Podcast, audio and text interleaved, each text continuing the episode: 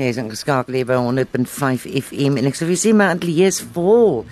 Hallo Johandri, Esther en Liesel. Hallo julle. Hallo. Dis lekker om julle te kom kuier. Dis lekker om julle hier te hê. Julle is besig met 'n wonderlike projek. Vertel my meer van dit. Wat word julle projek genoem en hoe werk dit?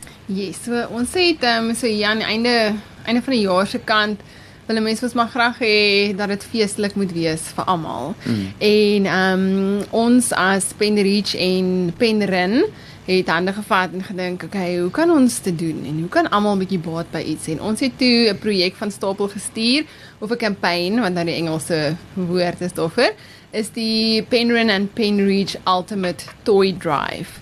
En ehm um, dit behels basies vir ons vir die publiek of enigiemand vra om tweedehandse ges, nie geskenke nie, toys, speelgoed wat rond lê, ehm um, jy weet vir ons te bring. En dan gaan ons dit versprei na toy libraries toe. Ons het so 100 toy libraries oh, in Mpumalanga. Maar ehm um, Esther sal vir ons bietjie meer daaroor kan vertel, maar dis so in kort en lank wat die wat die projek behels. Oor so baie kinders veral in die rural areas, as ek dit nou so kan noem, nie access het of toegang het tot speelgoed nie. Um but Esther will be able to tell us a little bit more how the toy libraries operate um, yeah. How's it going to work, Esther? Okay, so uh, greetings everyone. My name is Esther Sitole. So, with regards to the toy libraries, what we do is that we recruit community members uh, in the different communities around Mpumalanga and we train them. Uh, those who are interested and have space um, in their homes, in the community centers, in the drop in centers. Those people who are saying we are open for children to have access to toys in our area. So what we do is that um, after training them, we give them a toy box, and after a toy box uh, which has different kinds of toys, and then um, after school, children from two to nine years. So sometimes you find up until twelve year old children coming to the toy libraries to to be able to play. So not only do they play, but um, they also learn because children learn through play. This is mostly because uh, most of our children do not have access to toys in homes. Children, uh, parents, yeah, parents rather buy food instead mm. of buying mm. toys because uh, that's what they feel is most important. It is to feed yeah. your child. It would yes. be. So, besides um, the children part, we also encourage parental involvement through the toy libraries because we are saying uh, parents from the different communities also you must come to the toy library to borrow toys so that you can go and play with your child at home. Yes, that that would be a problem because if a child doesn't have a toy at home, mother and father can't play with them. Yes, yes. Oh my goodness, this is mm. heartbreaking. True. Yeah. True. And um, if if if you look children when like i've said children are learning through play. So mm. holistic development happens uh, through play. As children play and at a young age. Yes at a young age. And as they play this is where their muscles develop. Their fine and big motor skills and they they also develop cognitively. They also develop communication as they also play with other kids. So it is very important. So that is why we have these uh, program so that children have access to toys and children are unable to develop. So, how's it going to work?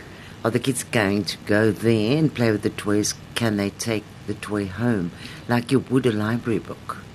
Yes. So it's like a library, but it's a toy library. So this is where the, the, the children and also even the ECD centers, most ECD centers that we work with um, in the rural areas do not also have access to toys.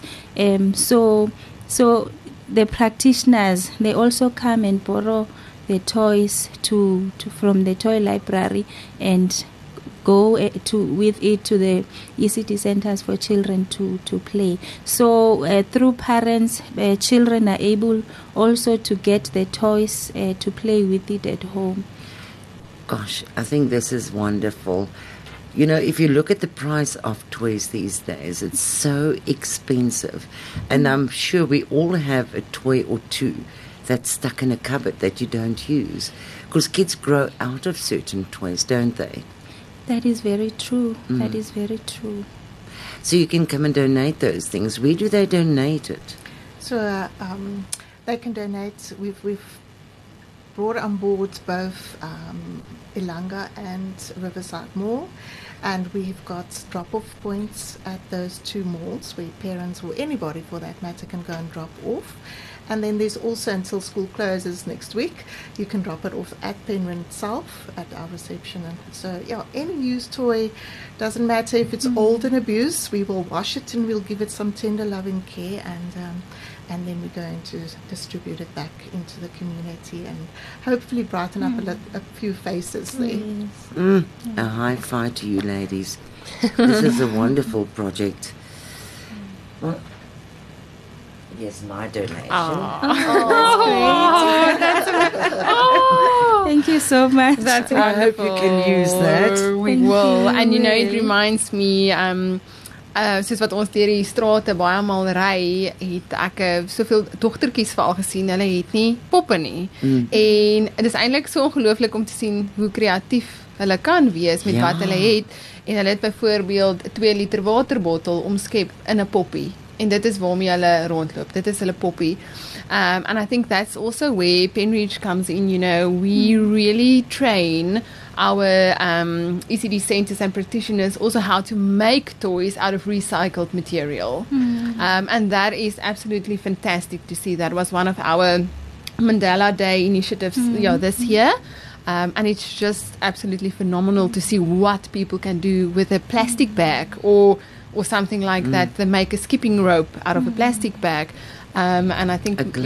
yeah, that's just So Even a to- glove, eh? to close that gap also um, for children to have access to toys uh, we ensure that we also train the parents so that they make toys from home with children as they make toys with the children they bond and there's communication so there's a lot of things that parents can be able to learn together with their children. So that is what we also do at the uh, with the toy library program.